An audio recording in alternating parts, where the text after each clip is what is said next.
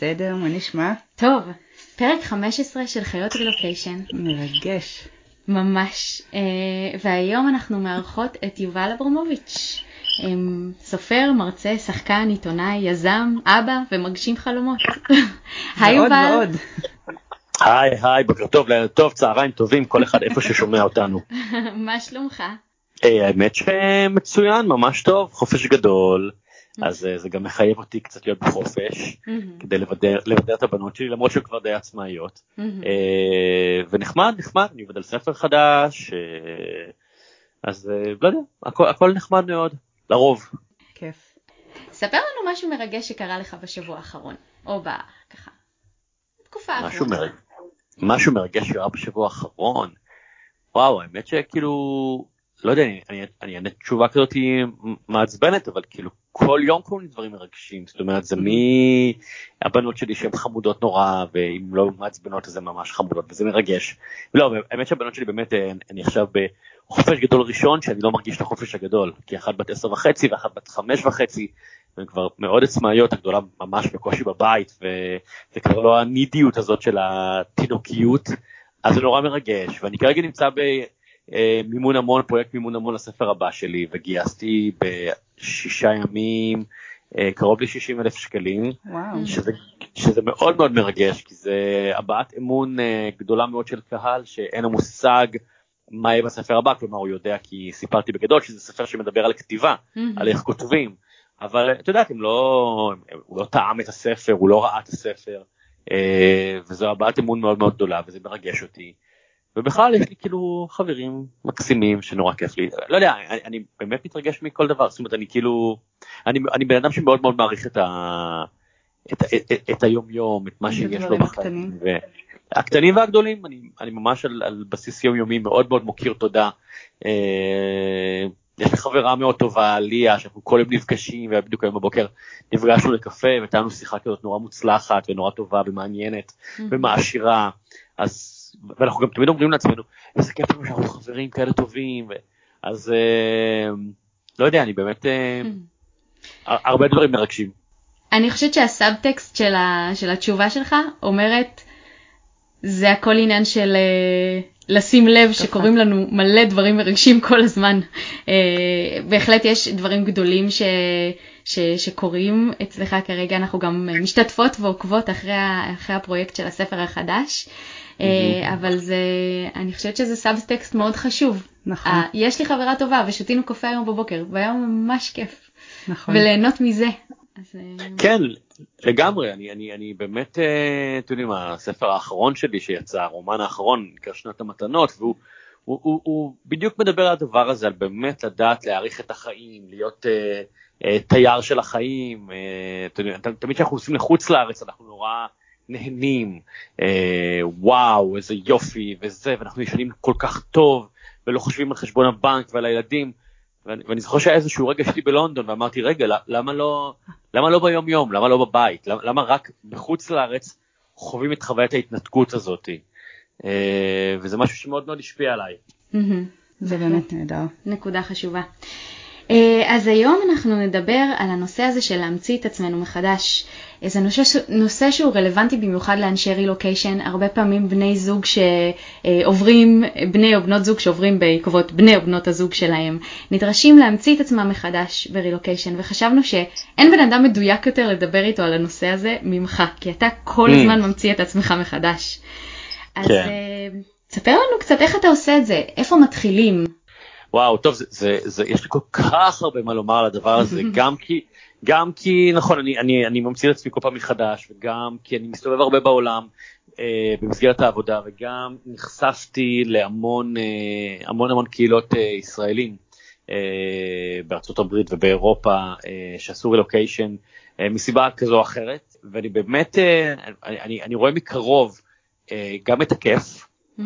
וגם את, וגם את הקושי וגם את הבלבול וגם את, וגם את הבדידות וגם את היעדר הזוהר. כלומר זה נורא מגניב להגיד אני עשינו רילוקיישן לטנספליי ב- ליד ניו יורק אה, וזה נשמע כזה נורא סקסי וכולי אבל במציאות אה, לפעמים זה בודד וקשה, ו, ו, אה, נגיד טנפליי אולי זו לא דוגמה טובה, כי זה אזור אה, ככה די עמיד, אבל, אבל יצא לי גם לראות קהילות אחרות בכל מיני מקומות אחרים, וזה פחות סקסי ממה שזה נראה. אני בעצמי עכשיו נמצא על הקו בין ישראל ללונדון, ו, ולחיות בלונדון זה לא לונדון של... התייר שאני מכיר, mm-hmm. שאני בא ואני רואה הצגות כל יום במשך שבוע, mm-hmm. ואוכל כל יום במסעדות פאר. לעשות רילוקיישן זה בסופו של דבר אה, להיות בשגרת חיים במקום אחר. אה, וזה לא זוהר ונוצץ, תסכימו איתי נכון? אתן אלה שעשיתן רילוקיישן. בהחלט, בהחלט מסכימות. ומנגד, מנגד אבל כמובן, שזאת יש בזה שפע שפע שפע של הזדמנויות, אה, המון המון הזדמנויות. קודם כל אני חושב שההזדמנות הראשונה אה, היא היכולת להמציא את עצמך מחדש. Mm-hmm. אם יש משהו שאני זוכר ואני מתגעגע אליו לפעמים בחיי, זה כל מיני אה, רגעים כאלה כמו למשל תיכון יסודי, המעבר מהיסודי לתיכון, המעבר מהתיכון לצבא, mm-hmm. מהצבא ללימודים הגבוהים, ואז בעצם לחיים האמיתיים במרכאות, ואני זוכר שבכל בכל תחנה כזאתי בעצם יכולתי להביא קצת מיובל החדש לתיכון ולצבא, כי לא הכירו את יובל מכיתה ג' ופתאום יכולתי להביא דברים שהתפתחו אצלי, אבל כשאנחנו קטנים אנחנו לא מספיק אמיצים כדי לשלוף אותם, להגיד רגע רגע אני עכשיו כזה וכזה וכזה. נכון. ואני חושב, חושב שיש איזה משהו, אה, כשעושים רילוקיישן, ובעצם להביא את ה-new improved myself לאן שזה לא יהיה ולהגיד היי hey, זה אני, כלומר אף אחד לא מכיר את הרקע שלך, את ההיסטוריה שלך, וזה דבר ראשון, אתה, אתה יכול כאילו לברוא את עצמך באמצע החיים. Mm-hmm. אני חושב שזאת הזדמנות לכל כך הרבה דברים לבחון ממערכות היחסים, אם זה משפחה, אם זה, זאת בני בנות זוג, אם יש משפחה בתמונה, ילדים וכולי, פתאום אתה, אתה נמצא באיזשהו מין בידוד מסוים, זמני, אה, בידוד, התבודדות, התנתקות, ו-.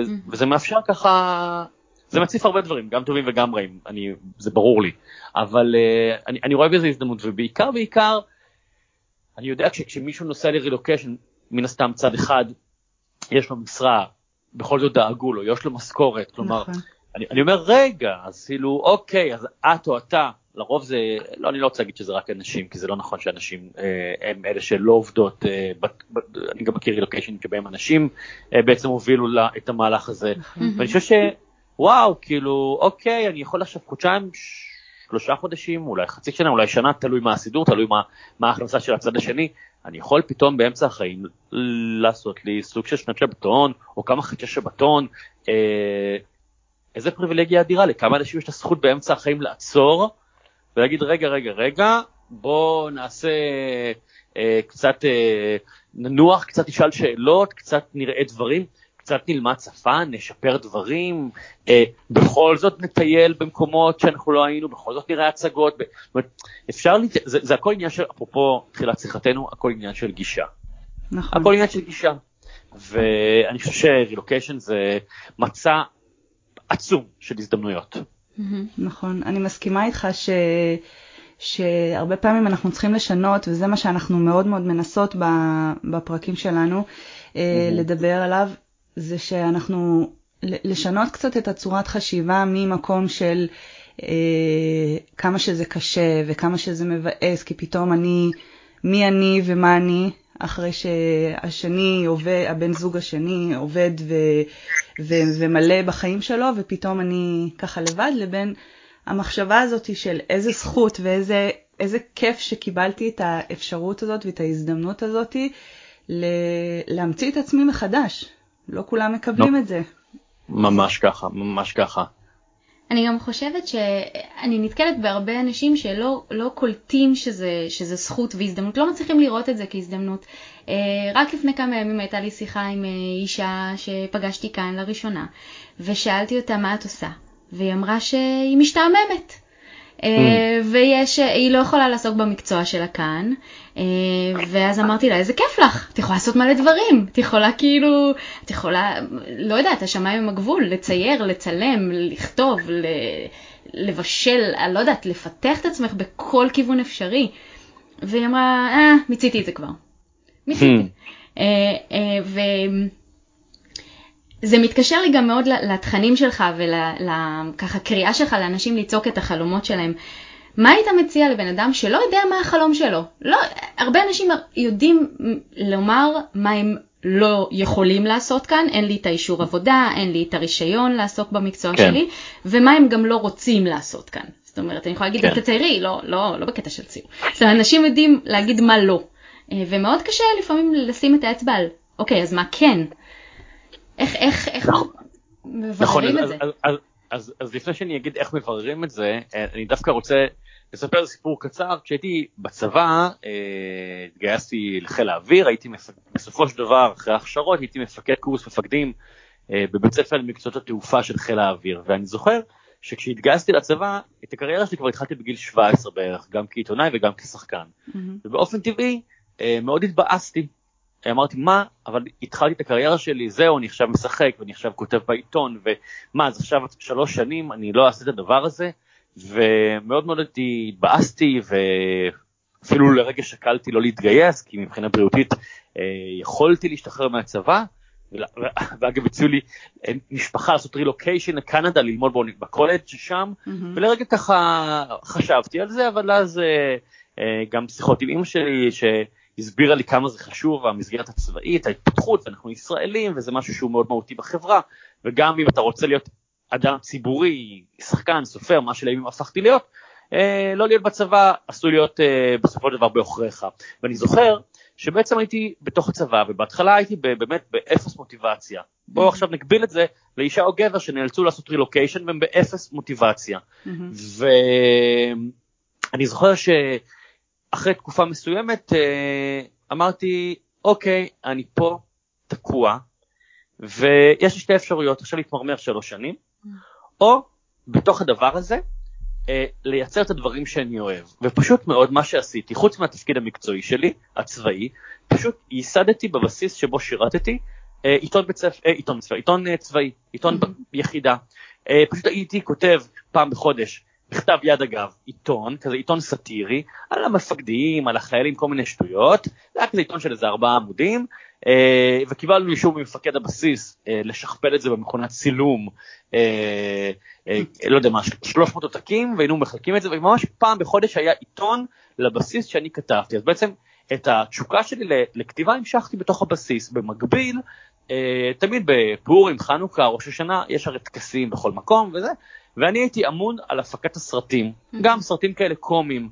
אה, המצאתי איזושהי דמות שקראו לה לרמן, והוא כאילו כלוא בבסיס, וממש זה היה, כל חג כולם בבסיס חיכו לפרק החדש בסדרה על לרמן. אפשר mm-hmm. גם למצוא את זה אפילו ביוטיוב, העליתי את זה פעם. Mm-hmm. ומה שאני רוצה לומר, בעצם, ואני אומר את זה גם הרבה פעמים לחבר'ה צעירים שאומרים לי, מה אני עכשיו הצבא, ערכתי את התוכניות. אפשר בתוך הצבא, ואני, אה, לעשות בתוך המסגרת הזאתי, עדיין להביא את היכולות שלך לידי ביטוי. בוא עכשיו נעבור רגע לצורך העניין מישהו שעבר הברית או לאירופה ואומר אני עכשיו תקוע פה ברילוקיישן ואני לא יכול יותר, אה, הייתי מפיקת אירועים בארץ. סבבה, בואי, בואי תפיק אירועים, תתחילי מהקהילה הישראלית, מן הסתם יחסית יותר קל, תעברי לקהילה היהודית, משם השמיים הם הגבול, ואני שוב מכיר המון המון סיפורים בגלל שאני מסתובב בעולם מאנשים, ובאמת אני רואה את זה בצורה אגב מאוד מאוד גורפת, את האנשים שנשארים בגטו mm-hmm. הישראלי או mm-hmm. היהודי, קצת אגב כמו פה, הרוסים בישראל, mm-hmm. שאו פרצו את הגטו mm-hmm. או נשארו בגטו, ואני חושב שזה זה, זה שוב, זה פשוט עניין להבין שאתה יכול לפרוץ את הגטו הזה, זאת אומרת זה הכל נמצא בראש, mm-hmm. ולשאלתכן אז אוקיי, איך אנחנו מבינים מה אנחנו רוצים לעשות. Um, הרבה פעמים, אני כתבתי על זה גם בהרחבה בספר הרעיון, mm-hmm. אני אומר, קחו, אני, כמו שאתם מבינים, אני פריק של רשימות, ואצלי כל, כל, כל, כל, כל סוגיה, רשימה נותנת לי תשובה. ממש, זה, זה ממש, אה, כי, כי באופן אינטואיטיבי כבני אדם, כי אנחנו בדילמה, אז אנחנו אומרים אוקיי, אה, לעבור דירה, כן או לא, עושים רשימה, נכון? אני אומר, כל דבר נותן רשימה. קחו דף ועט ותרשמו לכם שתי רשימות לאנשים שאומרים מה אני אעשה בפרק הנוכחי של חיי. Mm-hmm. רשימה ראשונה, תכתבו כל הדברים שרציתי לעשות כשהייתי ילד, כשהייתי נער אה, או נערה. Mm-hmm. אה, אבל אז באופן טבעי בגיל 15 או 12 או 17 זה לא היה ריאלי, כי לא היה לי מספיק ניסיון, ולא היה לי כסף, ולא הייתי עצמאי, וכל מיני דברים שאז רצינו, והם נשכחו כי הם לא היו ריאליים. תעשו רשימה של הדברים האלה. דבר, רשימה שנייה, זה כל הכישורים והכישרונות וההכשרות שעברתי בחיי. אה, מסדנה בישול שעברתי ועד תואר ראשון או שני שעשיתי ועד דרך אה, לא יודע מה איזה סמינר שהייתי בו כאילו תרשמו את כל הדברים על גבי הדפים. ואז כמו בתבזורת שמקיפים מילים פשוט תתחילו להקיף מילים שמדברות אליכם שפתאום פוגשות אתכם בחיים. עכשיו בנקודת הזמן הנוכחית יכול להיות שבתוך הרשימה הגדולה הזאת פתאום יהיה איזה משהו להגיד וואלה אני עכשיו נמצאת בניו יורק או בוושינגטון או בפריז, והדבר הזה שהוצאתי בגיל 17, שמה זה היה לא ריאלי, עכשיו זה ריאלי, אני בדיוק נמצאת במדינה או במקום, או מבחינה כלכלית אני יכולה לאפשר לדבר הזה לקרום עור וגידים ולהוציא את זה לפועל. Mm-hmm. אז אם אני אסכם את זה, אני קורא לזה לצלול לעבר שלנו. כאילו mm-hmm. להיזכר מה בילדותי, בנעוריי רציתי לעשות, ואז לא היו את הכישורים, או את היכולת הכלכלית, או את המיקום, ועכשיו אולי פתאום אני אומר וואלה זה יכול לקרות. לא יודע אני, אני, אני, אני מנסה לחשוב על עצמי כי אם עכשיו נגיד הייתי עושה רילוקיישן ואגב קיבלתי לא מעט הצעות כאלה בעולם אה, מהסוכנויות שאני עובד איתן אה, בהוצאות הספרים כן. אה, פסלתי את זה כי אני טוב לי מאוד בארץ כרגע אבל אני בהחלט יש מצב שאני ביום הימים אעבור לחו"ל לא בשנים הקרובות ואני יודע שאם אני הייתי עובר לחו"ל לא תחת העשייה שלי של הרצאות וספרים, אלא נאלץ לעבור בגלל זוגיות. וואו, זה, זה, אני יודע שהייתי עושה כל כך הרבה דברים, כאילו, באמת, זה, זה, זה כיף גדול. אני, אני יכול להבין את, ה, את, ה, את הקושי, את החשש, את, ה, את היעדר הזוהר שבדבר, גם את המציאות היומיומית בסופו של דבר, את הבירוקרטיה, אה, ובאמת, אני, כל מדינה והמנטליות שלה וה, והבירוקרטיות לטוב ולרע, אה, אבל זה באמת, וואו, כל כך הרבה דברים אפשר לעשות, זה לא סתם אנשים אומרים למישהו שעושה רילוקיישן, איזה כיף לך, כי זה כיף, אני חושב שבמקומות האלה, כשהקושי מציף, ובוא נגיד, נקרא לילד בשמו, והמרמור עולה, אה, צריך, אה, צריך להגיד, רגע, רגע, למה כולם אומרים שזה כיף? מה כיף? אפילו לשאול מישהו, מישהו בישראל, למה אתה חושב שזה כיף שעשינו רילוקיישן? תגיד לי, שהוא יגיד לך מה כיף, כי הוא מתבונן מהצד. כן. אתה אמרת, אתה מזכיר הרבה את העניין הזה של, ועוסק הרבה בעניין הזה של אה, רשימות. כן. ו, ואני תוהה, אני יודעת שזה משהו שהוא מאוד מאוד עוזר, ואני תוהה אבל מה באקט הזה של הכתיבה הופך אותה לכלי תרפויטי אה, מבחינתך? קודם כל נתחיל מההתנתקות. אה, זה בעצם לשבת אתה כשהטלפון סגור והמחשב סגור והטלוויזיה סגורה והילדים מאופסנים באיזשהו מקום אחר אה, ואגב חו"ל זה הכי מקום פסטורלי כאילו תגלו לכם איזה פינת חמד ואם עשיתם רילוקיישן אז מן הסתם אתם לא מכירים הרבה מאוד מקומות יש לכם המון mm-hmm. מקומות uh, חמד לא משנה איפה אתם בעולם. uh, פשוט קודם כל ההתנתקות הזאת אנחנו חיים היום בעידן כל כך מהיר כל כך אה, אה, רועש, כל כך דיגיטלי, כל כך הפרעות קשב וריכוז, כבר ברמה החברתית, כבר זה לא ברמת ה... את יודעת, יש כאלה שיש להם הפרעת קשב וריכוז, עניין של אה, כימיה במוח, זה כבר פשוט עניין של חברתי, אנחנו פשוט חיים בעידן כל כך רועש. אז קודם כל ההתנתקות הזאת, כבר לקחת דף ועט. הדבר שני, והנה במקרה, במקרה לא, ולא, אני יושב איתכם עכשיו בחצר שלי, אני מדבר מהחצר שלי, ומולי שתי רשימות של דברים, ואני מסתכל על זה, וה, וה, והרשימה היא סוג של אה, מראה, היא משקפת לנו משהו. עכשיו, כשממש צוללים לדבר הזה, ואחרי ש... הרי בדרך כלל שואלים רשימה, אה, בתור התחלה כל הבירוקרטיות עולה, אה, לדאוג לאישורים, לשפץ את הזה, לקנות את ההוא, לנסוע לשם וכולי וכולי. אבל אחרי שקוראים את כל הבירוקרטיות, פתאום לאט לאט לאט מתחיל לצוף הדברים שהם מעבר. Mm. החלומות היותר מורכבים, ואפילו נקרא לזה הפנטזיות. ו... ובדרך כלל לאנשים אין את ה... ביום יום אין את היכולת בכלל אה, להגיע ל... ל-level היותר גבוה. של החלומות, החלומות המורכבים, של הפנטזיות, אה, של הדברים שאפילו לא ידעתי שקיימים כשהם נמצאים באיזשהו תת מודע. הרבה פעמים אנשים מספרים לי שהם עשו רשימה, אפילו בהרצאות שלי, כי זה חלק מהתהליך, ואז אומרים לי, אה, איזה קטע, כאילו, יצ... מישהו אמר לי, יצא לי ללמוד היאבקות, אין לי מושג מאיפה זה הגיע, איזו אישה כזאת נורא עדינה. לא, לא יודעת מאיפה זה עלה לי פתאום, אבל זה עלה לי ואני אלך לבדוק את זה. ואגב, היא כתבה לי מייל לימים, שבאמת אה, אה, נרשמה להיאבקות וזה, והפכה, זה בכלל הפך להיות פתאום איזה אג'נדה חברתית שהיא הובילה, שאנשים צריכות ללמוד אה, הגנה עצמית, וכאילו פתאום צץ לה משהו שהיא לא יודעת לא יודע אפילו מאיפה זה. עכשיו אני חושב שגם רשימה היא סוג של מראה, היא, היא בעצם משקפת אותנו משהו. אה, אני אספר לכם סיפור קצר, כש... אה, אה, אני כאמור טס המון באמת לאורך כל השנים, אה, ותמיד כשאני נוסע לחוץ לארץ, אני, אני אוהב באמת לעצור לחצי שעה, לשבת באיזשהו ספסל אקראי, באיזשהו פארק אקראי, ולהוציא דף ולרשום דברים. ואני זוכר שבגיל 25 ספציפית, כתבתי ברשימה להתעצבן פחות. כי הייתה לי נטייה ככה להתעצבן מדברים, אה, אבל לא סתם להתעצבן, להתבוסס בזה שבוע. כאילו משהו היה מעצבן אותי, אני שבוע הייתי רוטן. Okay. אוקיי. ואני זוכר ש... אני... ואני זוכר שכתבתי, נסעתי, חזרתי לארץ וזה החזיק מעמד בדיוק שבוע. ואז אני זוכר שטסתי שוב אחרי כמה חודשים, ושוב כתבתי להתעצבן פחות, וחזרתי לארץ וזה החזיק חודש. ואני זוכר שבפעם השלישית באותה שנה שכתבתי להתעצבן פחות, הסתכלתי על עצמי ואמרתי, מה אתה מטומטם? כאילו כתוב לך להתעצבן פחות, זה מעכב אותך בחיים, תפסיק להתעצבן. ובאמת, מאותה נקודת זמן, אני, ברור שאני אדם שמתעצבן, כי אני אדם אנושי, אבל, אבל אני כבר לא מתבוסס בעצבים, כלומר אני מתעצבן בדיוק לרבע שעה, ואני ממשיך הלאה.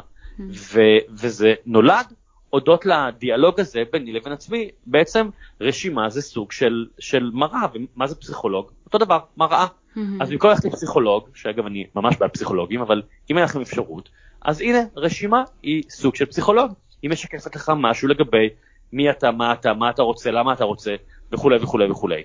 כן, נכון. אני יכולה לשתף גם שמהניסיון שלי, אה, אני כותבת רשימות כבר שנים, אה, ואני חייבת לומר שש... אה, כשנחשפתי לתכנים שלך שיניתי קצת, זאת אומרת הוספתי עוד סוגי רשימות שלא הייתי כותבת לפני כן, לפני כן בעיקר כתבתי רשימות של הודיה, אה, ועכשיו אני יותר רושמת רשימות של מטרות ושאיפות וחלומות. מה שאני מרגישה שהכלי הזה עושה לי זה שהוא קודם כל שולף לי דברים למודע, זאת אומרת פתאום, ממש ככה, בזמן הכתיבה הזאת, זאת אומרת דברים עולים מתת מודע למודע. אה, והדבר השני הוא שהוא דברים שאני אמנם כבר יודעת אותם, זה עוזר לי לשים עליהם את הפוקוס. אני יכולה לשתף שהבוקר, אה, אני באמת משתמשת בכלי הזה המון, והבוקר עשיתי אה, לעצמי רשימה של מה אני רוצה מהפרק הזה. Mm. ועשרה דברים שאני רוצה מהפרק הזה. ופתאום קלטתי שאני רוצה ליהנות ממנו. כאילו, בהתחלה עלה כזה, שלא יהיו תקלות טכניות, שהכל mm. יזרום, שהכל זה, ו... ואז פתאום עלתה לי מחשבה של, אני רוצה ליהנות ממנו, ופתאום הפוקוס שלי כל כך השתנה לוואי, בואו פשוט נהנה מזה, זה, זה פשוט כיף, כאילו עזבי רגע את ה... שימי בצד רגע את כל המטרות המקצועיות וזה, כן. וזה עוזר כזה לעשות shifting של הפוקוס. כן, וזה, וזה בדיוק, בדיוק מחזק את מה שאמרתי, זה פשוט דיאלוג עם עצמך, באמת, אני, אני חושב שבכל הספרים שלי אה, בשנים האחרונות, בין אם זה ספרי ילדים או עיון או רומנים, יש משהו שחוט שמחבר. בין כל הדברים, וזה כאילו בואו נמצא לעצמנו שקט, אם זה בשנת המתנות אז זה מישהי שיוצאת למסע של שנה למען עצמה, mm-hmm. אם זה בספר אין לי אבל יש לי לילדים, mm-hmm. אז uh, הילדים, uh, ילד, סיפור על ילד שעושה לעצמו סדר בחדר ומרוצה ולא מרוצה עד שהוא לומד להיות מרוצה ממה שיש לו, mm-hmm. uh, ואם זה האיש שהיה את הטלפון שלו יותר מדי, זה על אדם שמכרו לו טלפון, אני מאוד מאוד מתעסק עם זה בשנים האחרונות, הנושא הזה של, של אה, באמת ליהנות בשקט וסדר. אנחנו תכף נדבר על, אה, באמת על, על היכולת לנצל הזדמנויות, אבל יש גם, אה, אתה מדבר בספר ההזדמנות גם על, על הפעמים שצריך להגיד לא להזדמנות, כי זאת לא הזדמנות נכונה בשבילי. ורציתי לשאול איך אתה יודע להבדיל בין כשאתה, שיש איזושהי הצעה, כמו שעכשיו דיברת על ההצעה של הצעות לעבור כן. לחו"ל, אמ, ואתה אומר את הלא הזה, איך אתה יודע שהלא הזה הוא נובע מ... אוקיי, זה לא מחובר לי בפנים, לבין אה, זה נובע מפחד. זאת אומרת, אולי אני... מיד קופץ לי הלא, לא, זה לא בשבילי, כי כן. זה. זה מרגיש לי אולי גדול עליי, מפחיד מדי, מאתגר מדי. איך, איך אתה יודע לשים את האצבע על אה, למה הלא הזה? כן, התשובה לשאלה איך יודעים, לא יודעים, עד שלא עושים את זה. אז אני מבין שרילוקיישן אה, אי אפשר לקפוץ אה, ולהיכנס לתוך הדבר הזה, אה, ואז להגיד, רגע, רגע, לא מתאים לנו, אבל לא יודע, לנסוע לשבועיים שלושה. אני מניח שאנשים עושים את זה, לא בודקים את זה לפני שהם קופצים על העגלה. האמת היא שאנחנו אה, עשינו מספר מעברים, ו... ואני חושבת שבאף אחד מהם לא עשינו בדיקה מראש. ואני חושבת שדווקא אצלי מה שעזר זה מאוד העניין הזה של, אה, של, ה... של ה shifting במחשבה.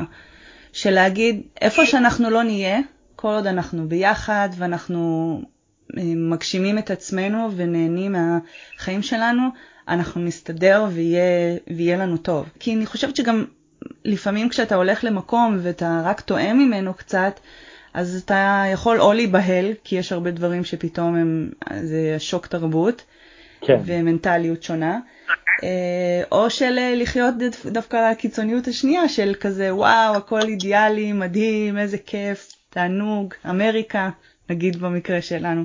אז, אה, אז אני לא יודעת כמה זה באמת רק עניין של אה, לנסות את זה, אבל זה בהחלט אופציה. זה בהחלט אופציה, בנוסף לשינוי המחשבתי הזה. תראו, אני, אני, חושב, אני, חושב, אני חושב שכמו כל דבר בחיים, אה, תמיד אנשים אומרים שאני אדם יצירתי ואני חושב שיצירתיות זה דבר אה, באמת תכונה מאוד חשובה אגב לא רק לאומנים וליוצרים נכון. אלא בכלל בחיים זאת אומרת לא יודע אה, הכנת עוגה נשרפה לך העוגה לפני שהאורחים מגיעים תהיי יצירתית תקחי מוצרים אחרים שיש לך תשימי מזה איזה עוגת ביסקוויטים מאולתרת.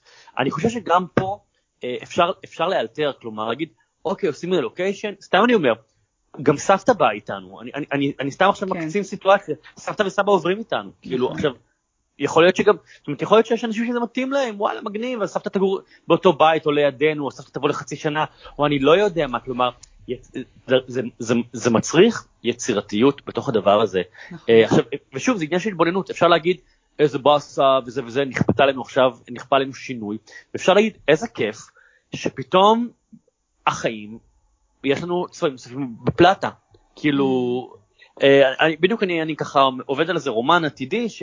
אה, מתייחס גם אגב למעבר של אישה מישראל לאיטליה.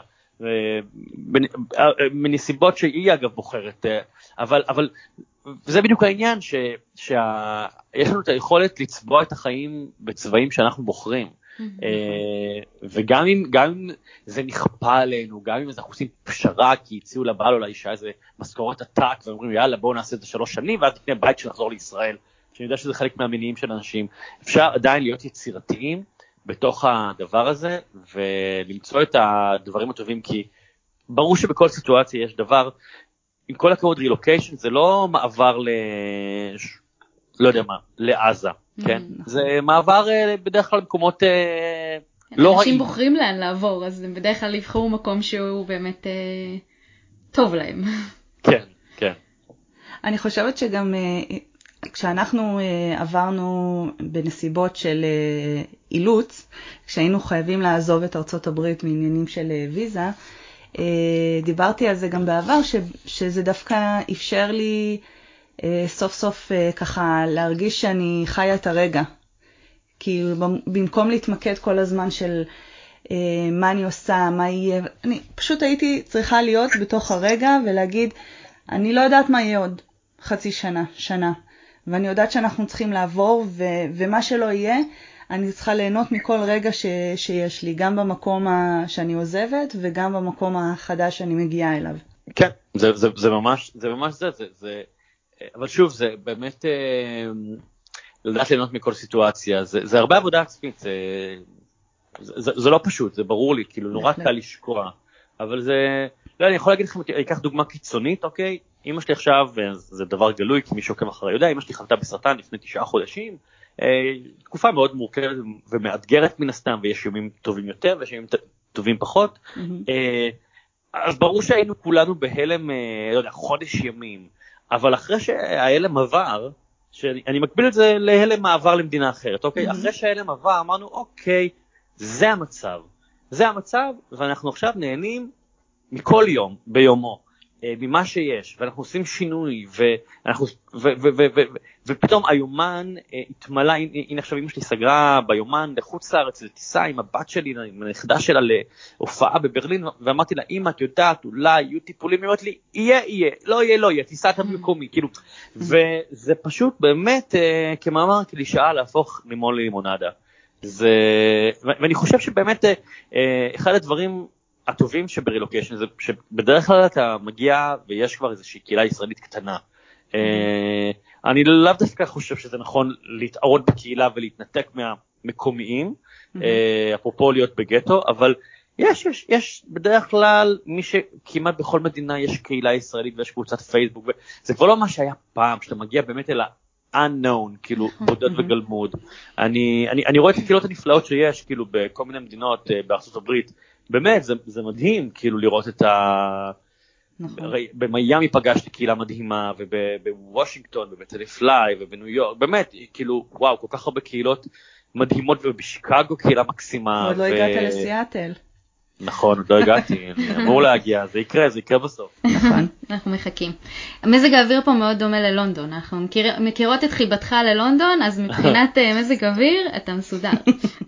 שכנעת אותי, אוקיי. זה, זה בדיוק מה שאתה רוצה. גשם עשה לי. אמ, אתה הזכרת קודם שפנית לאנשים, אה, אני מאוד מתחברת למה שאמרת בנושא של לדבר עם, כדי לבחון האם אני רוצה את זה או לא, לדבר עם אנשים שכבר עשו את זה ולשמוע מהם, לקבל מהם את החוויה הזאת. ודיברת על זה שפנית לאנשים שבאמת uh, עשו את מה שאתה רצית לעשות, או, או באותו ככה עולם. כן. ורציתי ככה לשמוע ממך איך אפשר לשבור את מחסום הפחד אה, שבלפנות למישהו שאנחנו לא מכירים ולהשתחרר מהקושי הזה בלבקש או לקבל עזרה. בדרך כלל אנשים אה, מלווה אותם החשש שזה לא יצליח, חוששים להתבזות, לעשות רושם לא נכון. לא טוב, חוששים להיראות חלשים. אה, נכון, זה מאוד טבעי וזה מובן, וגם אני כמובן לפעמים למרות שאני עכשיו אמיץ, גם אני לוקה בזה ואני אומר, אוי, אני לא אפריע, לא להציק לו, הוא בטח עסוק, כל מיני הנחות מיותרות. אז הקולות האלה כבר הרבה שנים פחות נוכחים בחיי, אבל אני יכול להגיד שאני חושב שאני רואה את זה גם, גם אליי, כשפונים אליי אנשים, ופונים אליי המון אנשים, כאילו באמת ביום, עשרות אנשים, כותבים לי בכל הפלטפורמות האפשריות, פייסבוק, אינסטגרם, אה, טלפון שלי, לא משנה איך, אה, עם שאלות ובקשות. אה, נכון, לפעמים זה מעיק, ולפעמים זה מנג'ס, ולפעמים אנשים חצופים, אבל בסופו של דבר, אני יכול, אני יכול לספר, להעיד על עצמי, כשפונים אליי, זה מחמיא לי, אני אומר וואו, הבן אדם הזה חושב שאני יכול להיות לעזר עבורו, הנה בדיוק היום פנה אליי מישהו, השיג את המספר טלפון שלי, ושאני מאוד קנה לפרטיות שלי כמובן, ושאל אותי איזה שאלה אם הוא יכול להתייעץ על משהו, והייתי במצב רוח טוב, אמרתי לו יאללה, גם המצב שלו מורכב, משהו בריאותי, ואמרתי לו יאללה, שלח לי את השאלה, והוא שלח לי והוא רצה לקבל ממני איזה אישור לאיזה משהו, ואני יכול להגיד ש... כשסיימתי, זה, זה גזל ממני בדיוק חמש דקות, והוא, והוא היה אסיר תודה כמובן, וככה אחר כך אמרתי לעצמי, איזה כיף, וואו, כאילו, איזה כיף שאני בשתי דקות יכול לעזור למישהו והוא מרגיש יותר טוב, ואני מרגיש יותר טוב, וזה, ועשיתי את המעשה הטוב שלי להיום. אני חושב ש, שבמקום אה, להיות בתחושה שאנחנו מציקים לאנשים, אה, ושאנחנו רוצים מהם הזדמנות, אפשר פשוט לעשות switch בראש ולהגיד, רגע, אולי אני בכלל נותן לבן אדם הזה הזדמנות לעזור לי. אולי אני בכלל, אפרופו עולם, כשהספר שלי הייתי במשא ומתן אה, להוציא את הספר שלי. אה, הרשימה בהולנד, ונסעתי להולנד לפגישה בהוצאת ספרים, אחת הגדולות בהולנד, ובסוף הפגישה ראיתי ככה שהם הם, בעניין, אבל אה, לא, הם לא היו חד משמעיים אם הם בעניין או לא.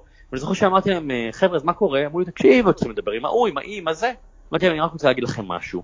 אני אומר, אמרתי אני אומר את זה בשיא הצניעות, הספר הזה בוודאות יצא בהולנד. אני לא יודע אם איתכם, עם מישהו אחר, עוד לא התחלתי משא ומתן, אתם הראשונים שאני פוגש. אבל אני אומר לכם שהוא יצא, ואני נותן לכם את ההזדמנות להיות הראשונים לקבל את הדבר הזה. קבלו החלטה ביניכם. למחרת קיבלתי חוזה. וכי אני פשוט, לעשות, להפוך את היוצרות, במקום להרגיש שנותנים לי הזדמנות ואני מציק למישהו אחר, להגיד רגע, אני נותן למישהו הזדמנות, mm-hmm. בין אם לי לשמוע את ההצעה שלי, בין אם לעזור לי, ו- ואני גם חושב שצריך לזכור שאנשים מטבעם הם טובים. Uh, אני חושב שאם אנחנו מנטרלים לרגע את החדשות, שכותבים חדשות זה נראה כאילו העולם עוד שנייה חרב, דאעש וכולם רעים ורציחות ואונס וכולי וכולי, אבל בסופו של יום בני אדם אה, בודדים, רוב האנשים הם אנשים טובים, ואנשים שמחים לעזוב, צריך לזכור את זה.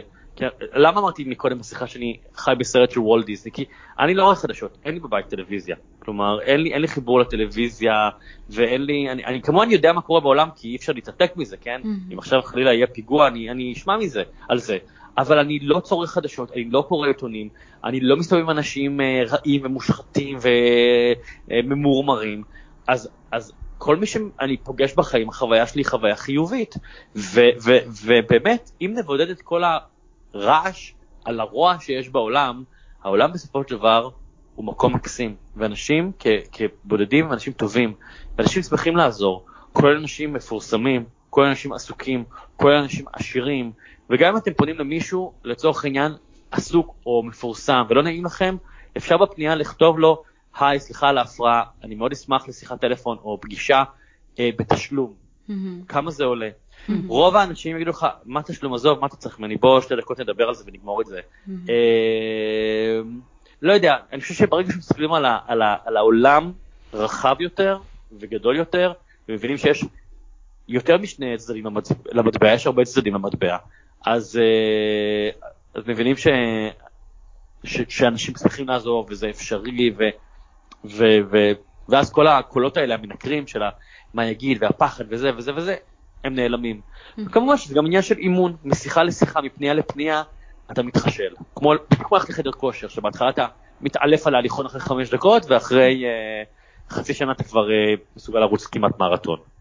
בהחלט. אני מאוד מתחברת לכיוון הזה שאמרת של תבינו שלא משנה מי עוזר לכם, אתם נותנים לו הזדמנות. אה, אני מרגישה שזה מאוד מתחבר לי מהכיוון של קריירה. אני זוכרת שאחד מהשיפטים שעשיתי ברעיונות, שהייתי מתראיינת לרעיונות עבודה, זה להגיע ב-state of mind של למה שאני אבחר אתכם? זאת אומרת, יש לנו מין, אה, מין הרגל כזה להגיע לרעיון עבודה במחשבה של קחו אותי, אני רוצה להיות פה, בבקשה קחו אותי.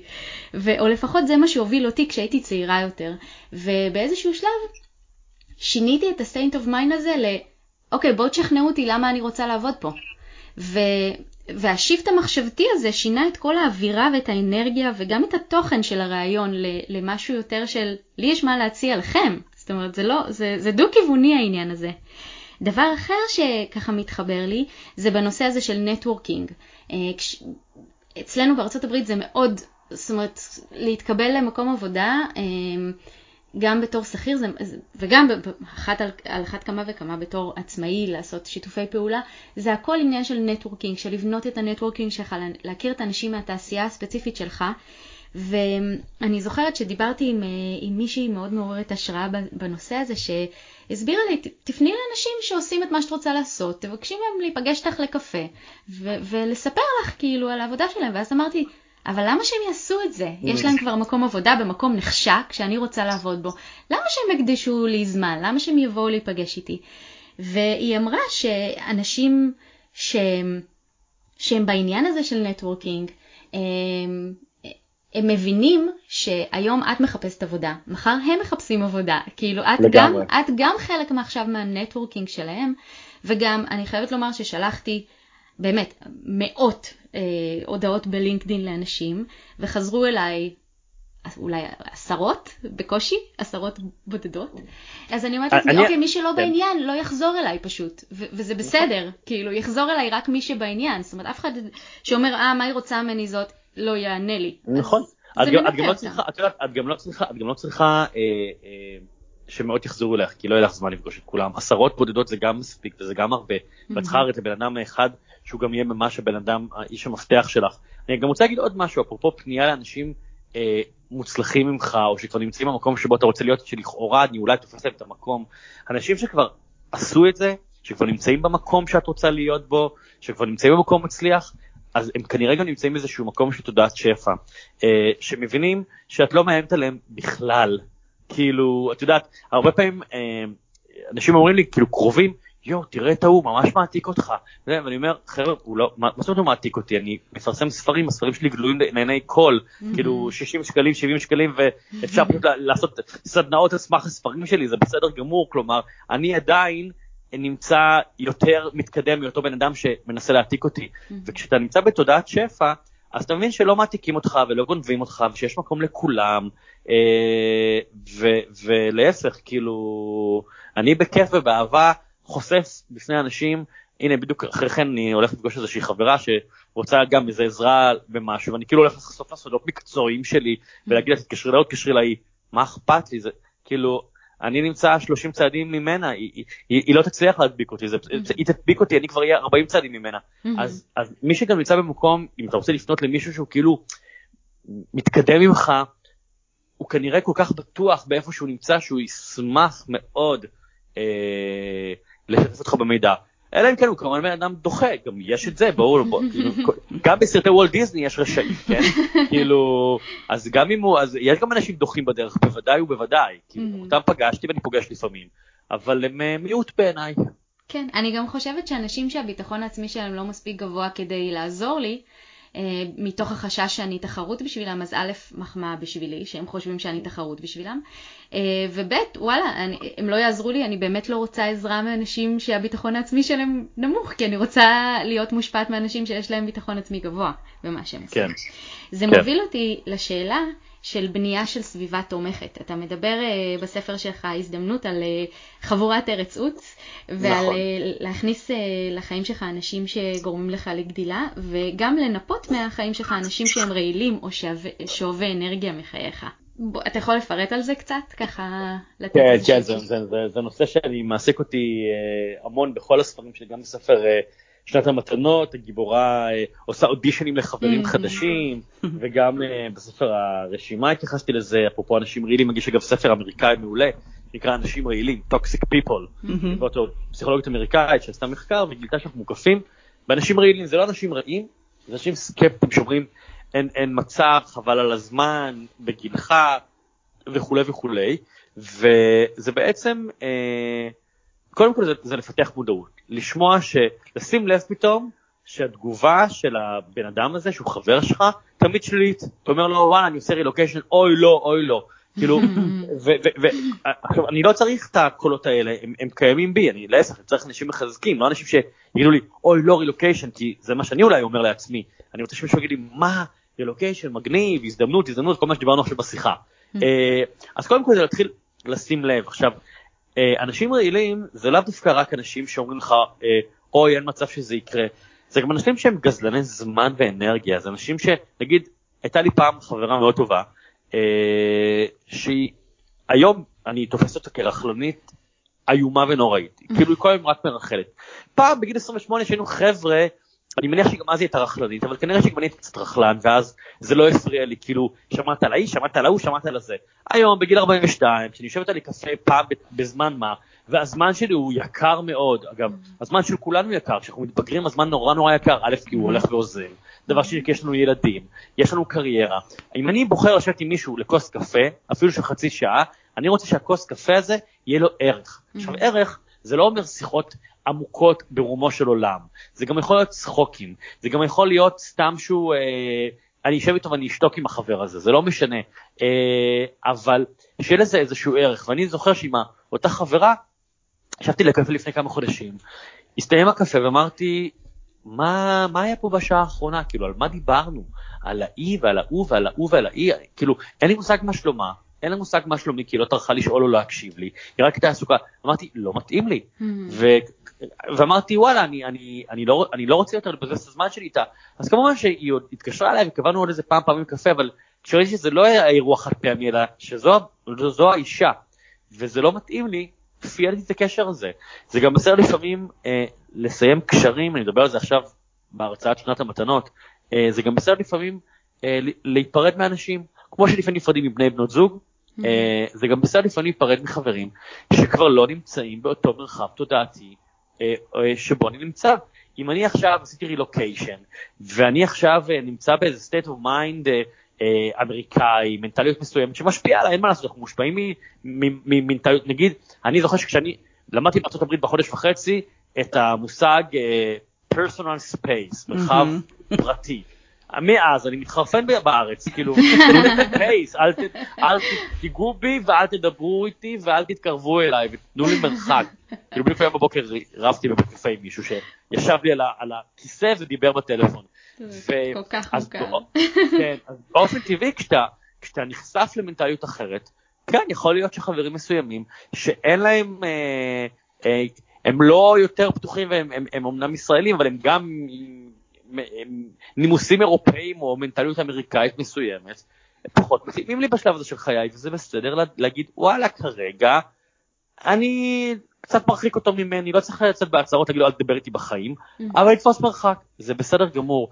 אז אני אה, מאוד מאמין ברה-ארגון של החיים שלנו, לא רק בעסק עושים רה-ארגון לתפקידים, אלא גם בחיים, ולהגיד וואלה, החבר הזה, ויש לי אגב חבר שבאמת, חבר שלי הרבה מאוד שנים עוד מהצבא, וכבר אה, 25 שנה אנחנו חברים, ופחות 20 אה, ומשהו, והיינו חברים מאוד מאוד קרובים, ושמתי לב בשנתיים האחרונות שאנחנו כבר במקומות אחרים, אנחנו כבר לא, אנחנו במקומות אחרים, אני רואה את עצמי כאיש העולם הגדול שמסתובב בעולם וחווה כל מיני דברים, והוא תקוע באיזשהו מקום שבו הוא נמצא, ואין בינינו יותר דיאלוג, דיאלוג שהוא מפרה. מבחינתי, אותו חבר, אה, למרות שהוא לא רכלן, והוא לא הפריע לי נגד החלומות שלי, הוא לא, כשאני מדבר איתו הוא לא מבין אותי.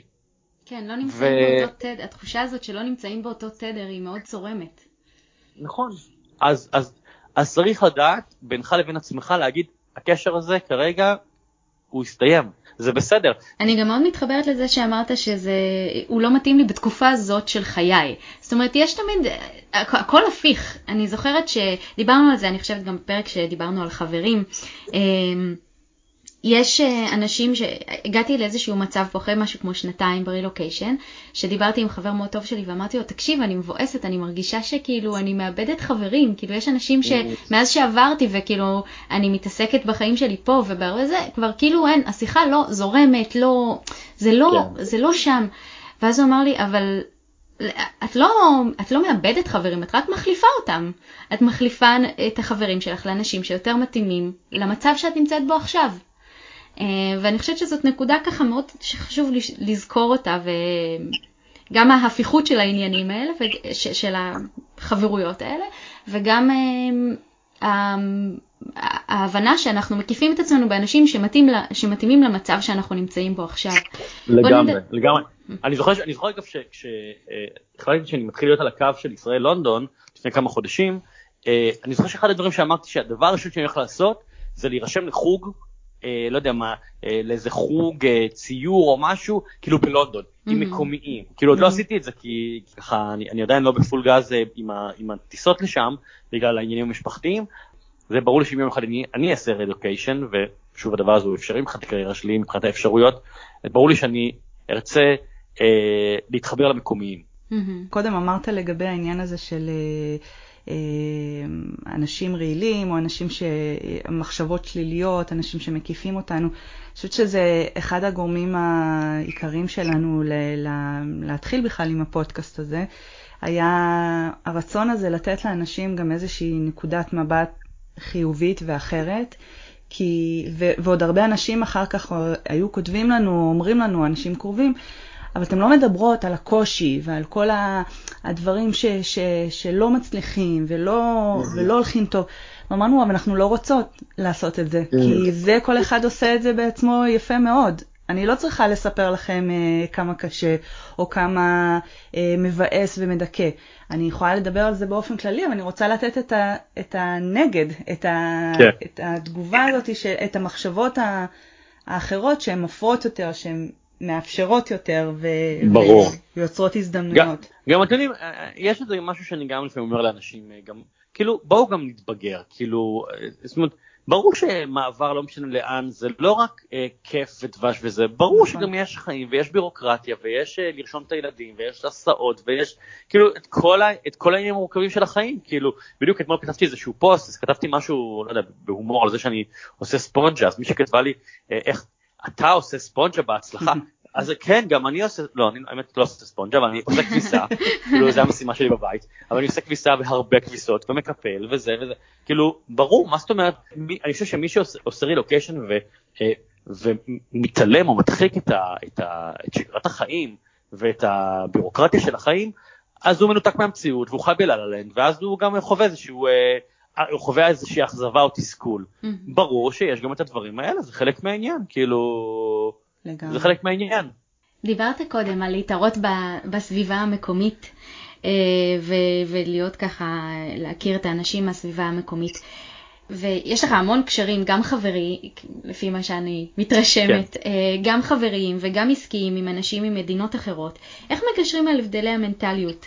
אה, זה נשמע שעשית הרבה צעדים נועזים כדי להגשים את החלומות שלך. אה, נכון. החל ממכתבים לכל חברי הצוות mm-hmm. של אופרה ווינפרי ועד לפנייה ישירה לרובי נכון. וויליאמס במסעדה. איך אתה יודע שאתה לא חוצה איזה גבול תרבותי אצל מושא הפנייה שלך? אה, לפעמים אני, לפעמים אני חוצה ולומד אה, בדיעבד. אני זוכר שכשהייתי בטור ראשון בארצות בארצות הברית אז אה, יש לי איזה בדיחה על איראן ובדיחה על דאעש שבארץ זה נורא טוב אבל שם זה לא עבד טוב כאילו זאת אומרת ובאו אליי ואמרו לי, אתה יודע, פוליטיקלי קורקט וזה וזה, וזה כאילו זה לא לעניין, ואם אתה רוצה להיכנס לבתי ספר, אני זוכר שבשיקגו אמרו לי, אם אתה רוצה להיכנס לבתי ספר, אז תוותר על הבדיחה הזו והזו והזו. Mm-hmm. ואני זוכר שאמרתי, כל מיני התגובה הראשונית שהייתה, מה פתאום, אני לא אוותר על זה, זה הבדיחה שלי. אבל עם הזמן הבנתי שכן, יש קודים שהלו, אתה בכל זאת מגיע למקום אחר. אבל אני כן יכול להגיד שאני כן, אה, למשל היום אומר אה, בהרצאות שלי, אה, בכל מיני מקומות בעולם, שאני מצטער, מראש אני אומר, אני מתנצל אם אני לא פוליטיקלי קורקט, ואני מתנצל אם אני אומר, אם, אם אני אגיד איזושהי בדיחה שאולי פה היא פחות עובדת. אה, אגב, בדיוק ראיינתי לא מזמן את הבמאי לסדרה בטלוויזיה, את הבמאי של האירוויזיון בישראל, mm-hmm. והוא אמר שבספר החוקים של ההפקה של האירוויזיון, שהשוודים uh, התחילו את התחרות הזאת, יש אחד הדברים שאומרים למנחים, אל תנסו להיות מצחיקים. כי הומור זה משהו שהוא הוא, הוא לא, הוא לא חוצה עמים וגבולות.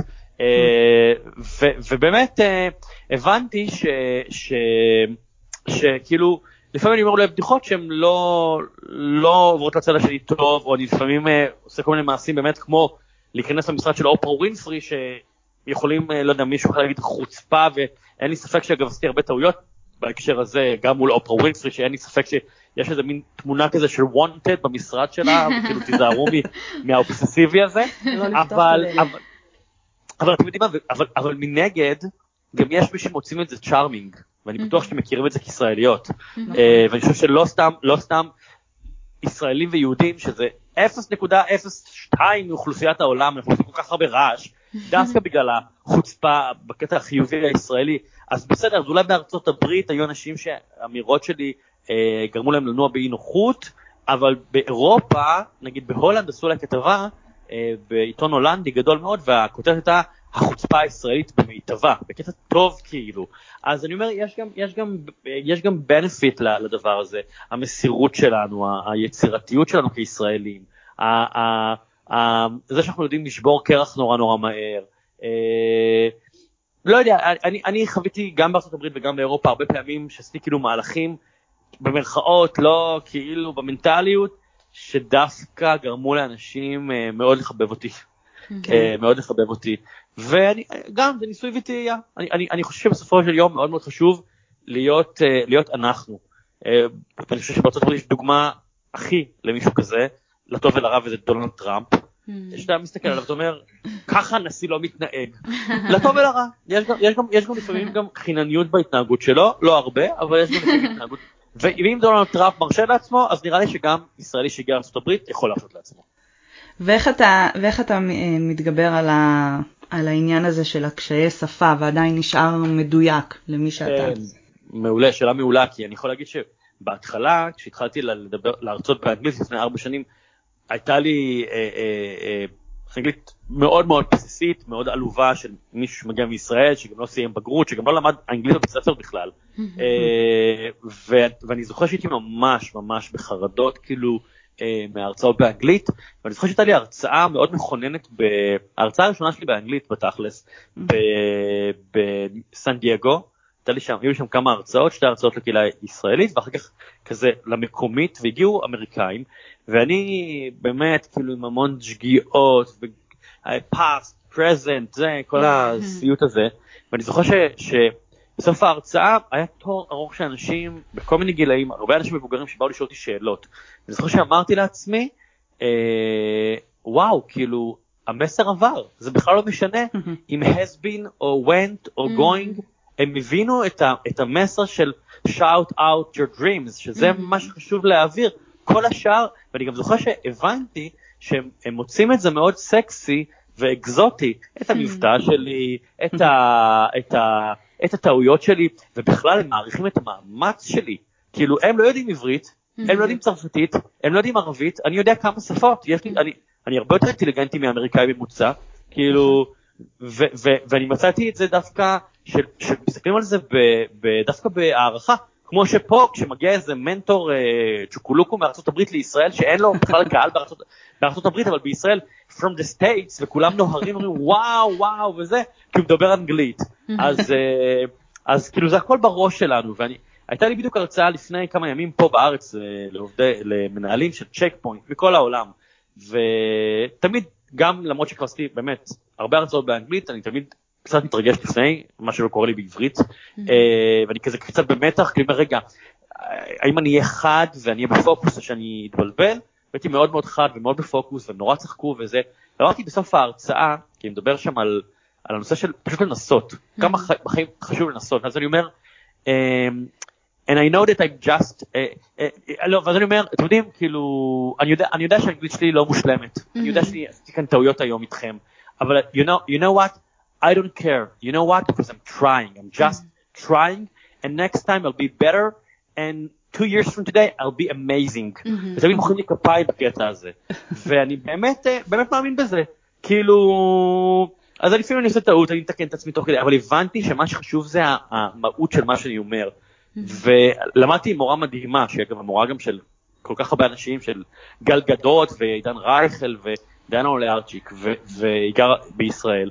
והיא באמת לימדה אותי ואת כולנו שזה הכל עניין של אה, אה, הביטחון שאתה משדר. Mm-hmm. זה בכלל לא משנה, כאילו בינינו גם האמריקאים עצמם, יש אמריקאים שהם עילגים. Mm-hmm.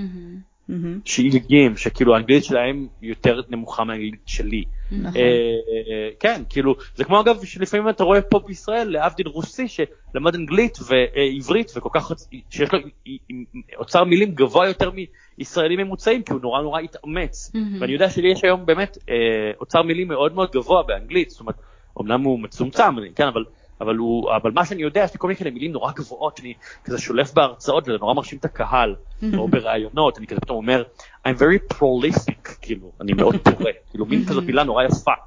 וכזה פשוט, וואו, איזה אנגלית יש לו.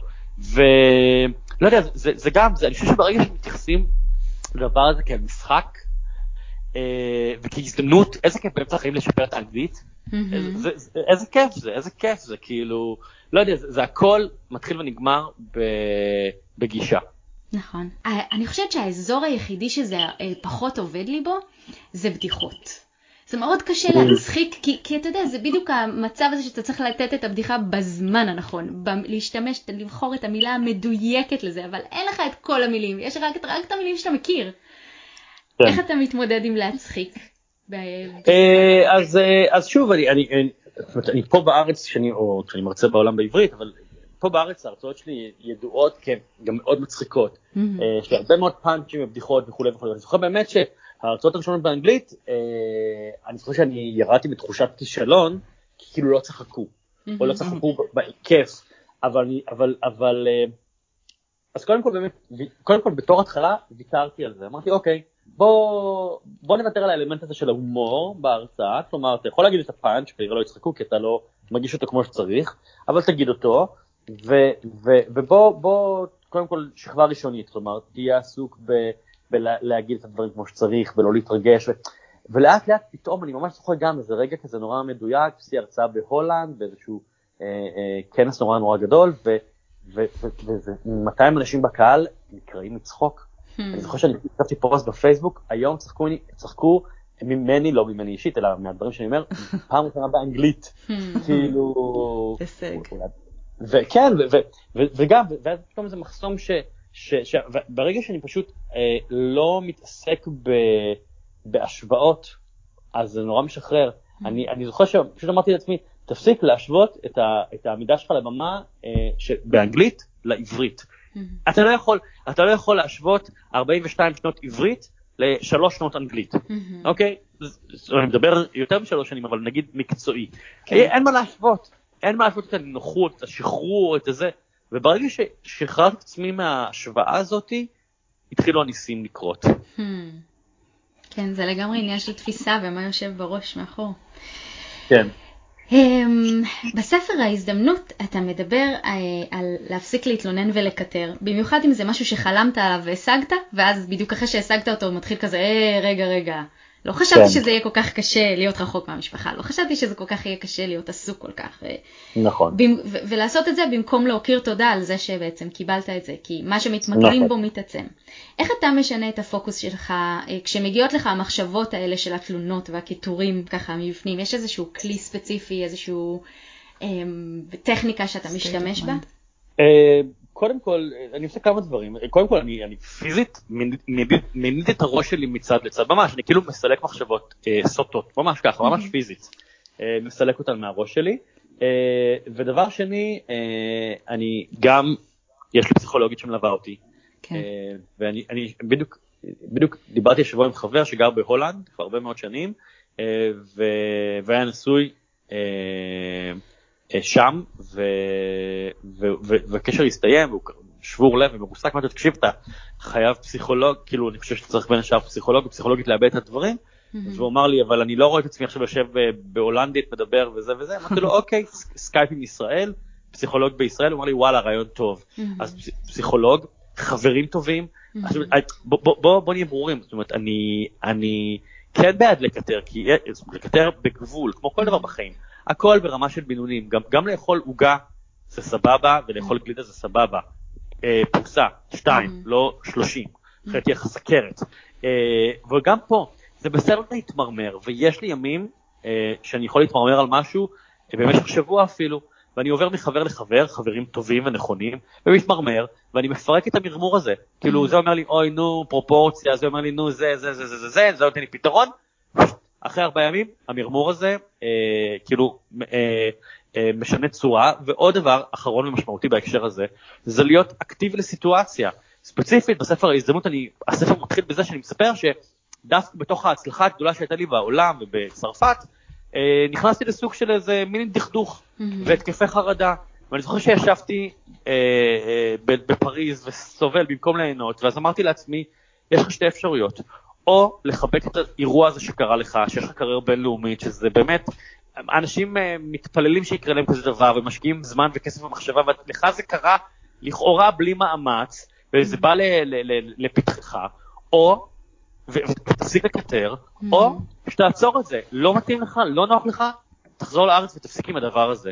שזה אגב פחות או יותר מה שעשיתי, כי לא התאים לי הנידודים בעולם, ואמרתי אני חוזר לארץ ואני עושה חישוב מסלול מחדש, ואני ואז בחרתי לעבוד במדינה אחת נוספת, לא ב-20. Mm-hmm. אותו דבר גם פה, זאת אומרת, אוקיי, הגעתי לרילוקיישן, קשה לי וזה, זה לא מה שחשבנו וזה לא כזה פשוט וזה לא... יש שתי אפשרויות, להמשיך להתמרמר ולהיות עכשיו עוד שנתיים שלוש ברילוקיישן במרמור, או לעשות שינוי מחשבתי ולהיעזר באנשי מקצוע ובחברים ובזה וליהנות, או שוב לחזור לארץ, ואגב גם את זה אני מכיר, אני נכון. מכיר, אה, אני מכיר שגריר שהגיע למדינה מסוימת, שפגשתי אותו, ישראלי, ואשתו לא הסתדרה, הסתדרה שם. ולמרות שזה מקום מאוד יפה באירופה, לא הסתדר לה שם, והיא פשוט חזרה לארץ, והם uh, היו על הקו, נכון. זה מורכב, זה לא פשוט, אבל אם ככה, הם, הם העבירו שנתיים שלוש, זה, לדעתי אפילו זה פלפל להם את הזוגיות. כן. כאילו, יש פתרון להכל בחיים. אני נכון. מסכימה, אז זה גם מאוד מחבר אותי לזה שכדאי, אנשים שעושים רילוקיישן ואז לא, לא הולך שם, צריך לחזור באמת לנקודה הזאת של הבחירה. לאוקיי, אתה כאן כי אתה בחרת להיות כאן. כל יום שאתה נמצא כאן, אתה עדיין בוחר להיות כאן. זאת אומרת, נכון. אתה רוצה תבחר אחרת. אם אתה בוחר באפשרות הזאת, בוא תפיק ממנה את המרב. אנחנו ניזונות מהרבה ככה תכנים מעולם ההתפתחות האישית, ויש איזושהי סתירה שחשבנו עליה, ואולי אתה תצליח ליישב לנו אותה. Uh, הרבה מה, מהתכנים בעולם הזה של התפתחות אישית מדברים על להודות על מה שיש ולהיות, לחיות בהווה ולא לשנות, לא לנסות לשנות את ההווה, פשוט mm-hmm. לקבל אותו כמו שהוא. והנושא הזה יוצר התנגשות הרבה פעמים עם רעיונות של תשיג מה, תשיג עוד משהו, תחלום, תחלום, תחשוב תוסיף קדימה. עוד. זה כאילו מתנגש כזה, רגע, אבל אם אני כל הזמן במרדף אחרי להשיג משהו אחר, אז איך אני יכול ליהנות ממה שיש לי עכשיו, ולהיות כן. ככה בהודיה על ההווה? אז, אז אני חושב שזה הכל עניין של איזונים, כאילו איזונים וגם הבנה שוב, וגם בגרות, שיש תקופות כאלה, בחיים יש תקופות כאלה, נגיד אני עכשיו הייתי שלושה חודשים בתקופה יחסית מתונה בעבודה, כאילו היו לי הרצאות וזה וזה, אבל לאחרונה יחסית תקופה של כתיבת ספר וכתיבת הרצאה חדשה, וזה, ופתאום יש איזה גם גל של ביקושים של ההרצאות, כי אנחנו לקראת ראש השנה אוטוטו, וזה, אז, אז פתאום כאילו אני בתוך איזה צוואר בקבוק כזה. אז קודם כל, צריך להבין גם שזה חלק מהחיים ויש תקופות ויש תקופות. שמעון פרס אמר משפט נורא יפה, אה, הוא אמר, אה, העבר עבר, ההווה הרגע עבר, ההווה הרגע עבר, הנה, ההווה הרגע עבר, נשאר רק העתיד. כאילו נשאר רק העתיד. אז בעצם, אם אני לוקח את המשפט הזה, אה, אז אני אומר, בוא נחיה את ההווה, שהופה, הנה הוא עבר, ונחיה אותו, אבל גם נהיה קצת עם, ה, עם המבט קדימה, אה, ונג'נגל בין ההווה לעתיד. אני מאוד לא מתחבר לעבר באופן אישי, אני לא אדם נוסטלגי, אני לא אדם, אה, אני חושב שהתבוננות בעבר היא לא דבר לא בריא, לתפיסתי, אה, כי אה, א', זה התרפקות וזה ניסיון לשחזר דברים שהיו פעם, עם כל מיני, באמת, כל כך הרבה נסיבות גרמו לסיטואציה בעבר להיות קסומה, כי היינו צעירים וכי זה, כי לא לנו אחריות, כל מיני דברים. פלוס בעבר יש לנו גם הרבה מאוד טראומות, ואנשים נורא מקדשים טראומות, חיים את הטראומה. היה לנו רילוקיישן לפני שבע שנים, היה גרוע. היה גרוע כי הייתם צעירים בשבע שנים ולא הייתם מספיק חכמים כמו היום, כאילו, לא, גם אם היה לכם חוויה בעבר והיא לא הייתה מוצלחת, זה לא אומר שהיום להפך, אתם היום יותר חכמים. בואו נניח את העבר בעבר. אני אומר, צריך לחיות את ההווה, אה, צריך לחיות על הציר של בין ההווה לעתיד, לא יותר מדי להיאחז בהווה, וגם לא יותר מדי לחיות בעתיד, אלא משהו שהוא נמצא על הציר שהוא באמצע, עם מין איזון כזה, ואז, ואז יש איזה משהו שהוא בריא, של ליהנות מהרגע הזה, וגם לחשוב כמה צעדים קדימה. אה, לא, לא להיות באובססיה וקיצון לשום מצב, לא של עבר, לא של הווה ולא של עתיד. איזון, איזון. בהחלט, אהבתי. מתחברת לגמרי. אני תוהה, רציתי לשאול אותך, אם אתה... אני כאילו, תמיד כשאני מקשיבה לך, ו- וכשקראתי את הספרים, הכל יש איזו תחושה של ביטחון עצמי מאוד uh, גבוה, ו- וביטחון גם ב- ב- בדברים שאתה תשיג והדברים שאתה רוצה להשיג. ואני תהיתי תמיד אם זה משהו שהוא, שהוא מולד או נרכש. אומרת, לגמרי זה נרכש, משהו- לגמרי כן? לגמרי נרכש, לא לא ממש, לגמרי לגמרי נרכש, בוא גם, בוא גם נדייק, זאת אומרת אני, אני בהחלט יכול להעיד על עצמי שאני אדם עם ביטחון מקצועי מאוד מאוד גבוה, כן. אה, בעיקר לאור אה, הישגים של השנים האחרונות ופידבק מהקהל ואת יודעת אז אני באמת פיתחתי, זאת אומרת, אוקיי אנשים מתחברים למה שאני מציע להם וזה בהחלט אה, בונה ביטחון, לא שאגב אני בשאננות כל פעם שיוצא לי ספר אז אני חדש חרדות וחששות ופחדים ויצליח ולא יצליח, ו- זאת אומרת אני לא לוקח גם שום דבר כמובן מאליו, אה, אז בהחלט הביטחון העצמי שלי הלך ונבנה עם השנים, מנגד הביטחון האישי שלי הוא כמו שהיה לי כשהייתי בן 16, אה, לטוב ולרע, וזה ידוע אגב שאנחנו די נעצרים שמה, גם הפסיכולוגים אומרים שגיל העשרה זה די, די מה שהולך איתנו אחר כך הלאה כל החיים. זאת אומרת, ה- אה, איך התייחסו אליי, איך הייתי, איך תפסתי עצמי בגיל 16-17, זה מלווה אותנו כל חיינו. אה, כמובן שהביטחון העצמי, אה, הביטחון סליחה, המקצועי, הגבוה שהתפתח, אה, גם מקרין על הביטחון העצמי. זאת אומרת, גם הוא עלה, אה, כי בכל זאת היום אני כבר יובל אברמוביץ', אוקיי? כאילו, אתה מותג, למרות שבבית אני יובל, אבל אני כבר יובל אברמוביץ', וכשאני יוצא לרחוב אז כבר אנשים רואים אותי כיובל אברמוביץ' לצורך העניין. אבל בהחלט שזה משהו שהוא נרכש, אני קודם נתתי את הדוגמה הזאת של ללכת לחדר כושר, אה, בהקשר של להתגבר על פחד, זה ממש ככה, זה, זה בהתחלה אתה מת- אה, לא מצליח ללכת על ההליכון ואחרי שבועיים אתה, יש לך סיבולת ואחרי שלושה שבועות אומרים לך, אה, קצת רזית, אז אתה אומר, אה, וואלה, מגניב, יש לך מוטיבציה, ו- וזה נוצר מעגל קסמים שכזה. גם פה, אה, אני חושב שהישגים אה, מקצועיים, בונים ביטחון עצמי, אני חושב שאגב, כשאני חושב על זה בקול רם, רילוקיישן, זה אחלה בוסט לביטחון העצמי שלנו. כי, כי מישהו אמר, וואלה, אתה מספיק טוב בשביל לזרוק אותך במדינה רחוקה, בשפה אחרת, אתה תסתדר. כאילו, יש בה- יש באמירה הזאת של בוס ששולח מישהו לרילוקיישן, אמירה מאוד גדולה על האישיות שלך, קח את זה כמחמאה, כאילו, זה לא, לא שלחו אותך לגלות, כאילו, אה, לאי המתים, כאילו, לאי המצורעים, להפך, אתה מסוגל, אתה, שלחו אותך, כאילו, ואתה מסוגל, זאת אומרת, אני חושב שהדבר הזה הוא לגמרי נבנה, שוב, אני מאוד מאמין בפסיכולוגים, מטפלים, קואוצ'רים, כל, כל גורם שיכול לעזור לך. אמ, ו- וכן, זה, זה, זה לגמרי דבר שהוא, אה, שהוא נרכש. אז קודם כל, המון המון המון תודה, אה, תודה על רבה. כל ה... ככה נקודות ששיתפת. תודה על התכנים שאתה יוצר. אה, אני חושבת שהם עוזרים לאנשים לשנות את... שאתה עושה שינוי בחיים של אנשים. אני חושבת שאין דבר יותר מספק מזה. תודה רבה. ואיפה אפשר למצוא אותך היום? אני יודעת שהתשובה הזאת היא מאוד ארוכה. כן, אה, מה, מבחינת לצרוך את התכנים את מתכוונת? למשל. אה, קודם כל, אה, קודם כל, דרך האתר שלי אפשר להזמין לכל מקום בעולם, אנחנו עושים משלוחים, אז אפשר פשוט להזמין כל ספר שתרצו מבין כל הספרים, ונשמח לשלוח את זה לכל מקום בעולם, מן הסתם תוספת דמי משלוח. כל הספרים כמעט נמצאים גם בגרסה דיגיטלית או בגרסת שמע, mm-hmm. באפליקציית אייקאסט, אז אפשר לשמוע אותי, מכיר חלק מהספרים, או קריינים אחרים, וגם דיגיטלי, דרך אפליקציה עברית, כל הספרים שלי, 13 ספרים אה, אה, נמצאים. בגדול, אני כל הזמן מופיע בארץ, כך שאם אתם מגיעים לחופשות בארץ, תסתכלו בלוח ההופעות העתידי, תמיד אנחנו מפרסמים שלושה חודשים קדימה, ואני גם צפוי להגיע מתישהו, לארצות הברית, אה, היה תכנון שזה יקרה בספטמבר, אני לא חושב שזה כבר יקרה מבחינת לוח הזמנים שלי, אבל אני מניח שזה, שזה יקרה בחודשים המאוד קרובים, אז אה, מה שנקרא, תעקבו אחריי ותדעו מה קורה. מעולה. מומלץ בחום. תודה. אוקיי, okay, אז אנחנו אה, נשתמע, נמשיך לעקוב, אה, והמון המון תודה על ההשתתפות. תודה לכן ובהצלחה גם לכן וגם לכל מי שמאזין אותנו. איזה כיף לכם שאתם בעולם. לגמרי. תודה. תודה רבה רבה. ביי, לילה טוב, ביי ביי. ביי ביי.